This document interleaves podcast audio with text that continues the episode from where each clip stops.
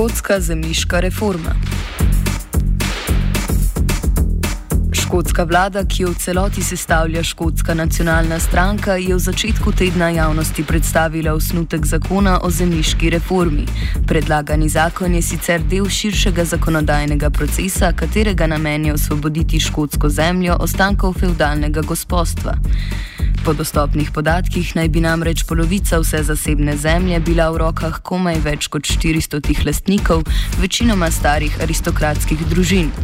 Uporaba zemlje pa je v takšnih primerjih pogosto omejena na kratkočasne dejavnosti, kot sta ribolov ali lov na divjad. Lastništvo škotskega podeželja razloži raziskovalec Andy Whiteman. Well, uh, Scotland uh, has a very concentrated pattern of land ownership. Fewer than 500 owners own half the country. And this is a product of our history.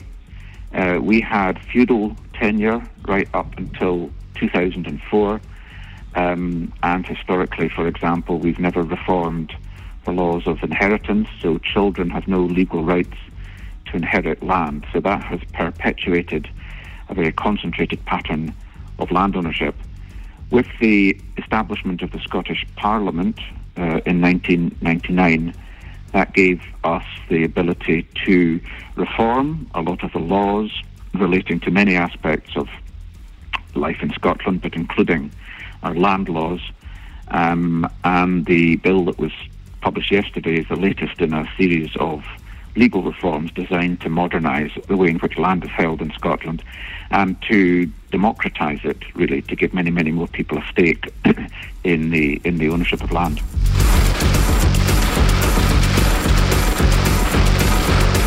V, v preteklih desetletjih so mnoge izmed nekdaj velikih družin doživele svoj padec, zato so mnoga velika posestva bila prodana v last mednarodnim mogotcem. No, kljub temu pa večina zemlje ostaja v rokah otoških plemenitašev. Well, over the last hundred years, I suppose, yes, the traditional aristocracy, many of them um, have lost their lands, and we have a much more uh, international um, land ownership now in Scotland with people from you know around the world owning large areas of land, people from, from the rest of the UK uh, owning land.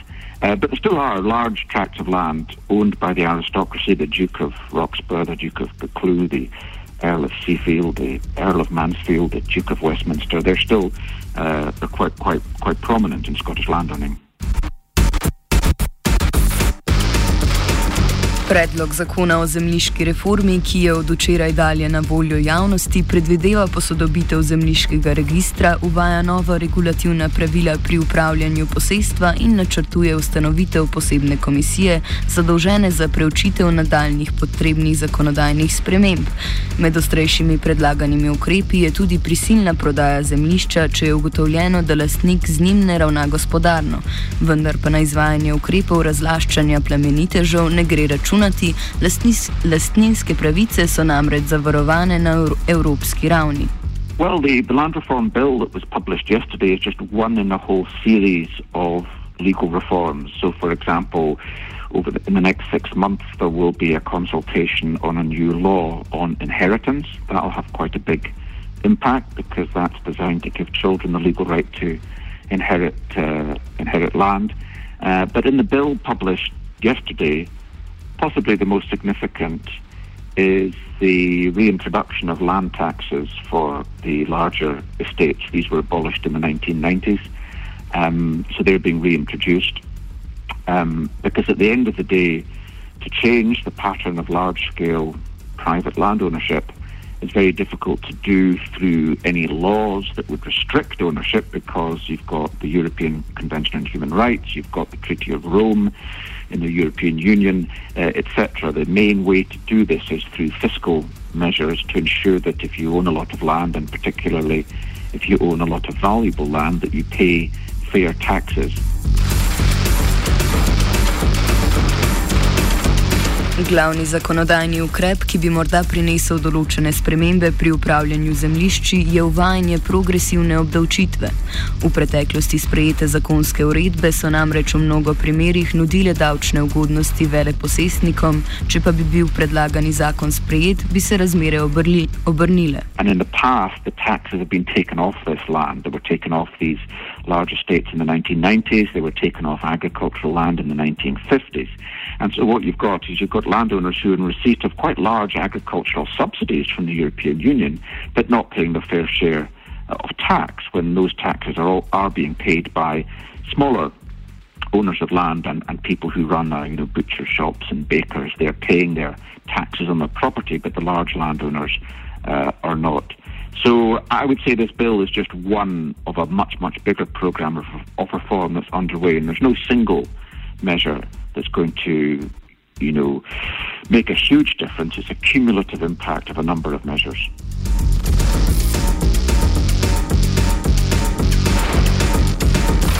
Glavni politični nasprotniki zakona prihajajo iz vrst konzervativne stranke, ki opozarjajo, da bi takšen zakon ogrozil delovna mesta na podeželju. Kakšna je podpora zakonodajnim spremembam zemljiškega lasništva, nadaljuje Whiteman. Obviously, there are people who, who oppose it. The landowners are not terribly happy. There are conservative politicians who think this is an attack on, on, on, on property rights. But broadly speaking, people want to see land more equitably owned. They want to see more access to land for people, and they want to see uh, greater opportunities uh, for people to, to, to, to own and to have a stake in, in how land is owned and used. Predlagani zakon med drugim spodbuja tudi skupnostno lastništvo zemlje. V tem smislu škotska vlada nadaljuje že utečeno politiko spodbujanja skupnosti pri prevzemanju lastništva nad zemljo, na kateri biva in z njo tudi upravlja. Tako naj bi se s predlogom zakona potrojila vrednost proračuna fonda, namenjenega sofinanciranju skupnostnih odkupov zemlje. Skupnostno lastništvo na škotskem sicer ni novost in ima daljšo zgodovino. Okay, so in the 1990s, a number of communities started to buy quite large areas of land when it was put on the market because they believed that they would be better owners and managers of that land than the previous, often absentee uh, landowner. And that was quite successful. Then in 2003, the Scottish Parliament passed an act that gave communities the right to buy land, but only if and when it was sold. So, you know, the right may take many, many years, if not decades, to be able to be um, implemented. But there's been a growing movement of community owned land. So we now have about 200, 240,000 hectares of land in community ownership, and the government's got a target to double that to half a million. Uh, hectares. Of course, community ownership is not uh, new. It's it's very old, the way back to the 15th, 16th century. Uh, the towns, the royal boroughs in Scotland, were being given grants of land by the king to hold in common. So, common land as a generic term has been around for a long, long time. But what we're seeing now is a, a reincarnation of that. Uh, particularly on a large scale, and it's proving uh, very successful, and there's growing demand for it.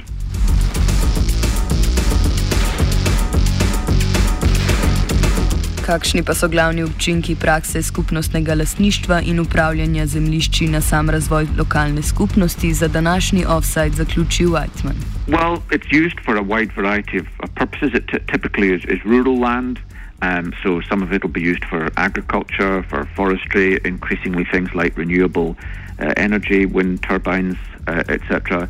People are, are using the land to regenerate communities where there's been problem with getting hold of land to, to build housing, um, to establish small industries, uh, just a wide variety of purposes designed to stimulate and support the community and its economic development. And that's been the critical thing because in the past, with an absentee owner who has maybe visited for a few weeks in the year, they've been very interested in fishing and very interested in hunting, uh, but they haven't been so interested in making sure that the community had all the opportunities it needed to, to, to grow, the people that live there uh, year round. So it's really to overcome some of the neglect that had taken place under the stewardship of, of, of absentee owners.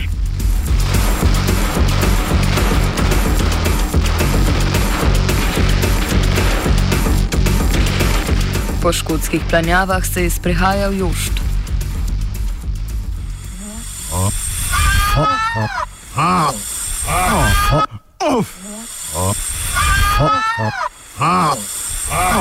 Offside.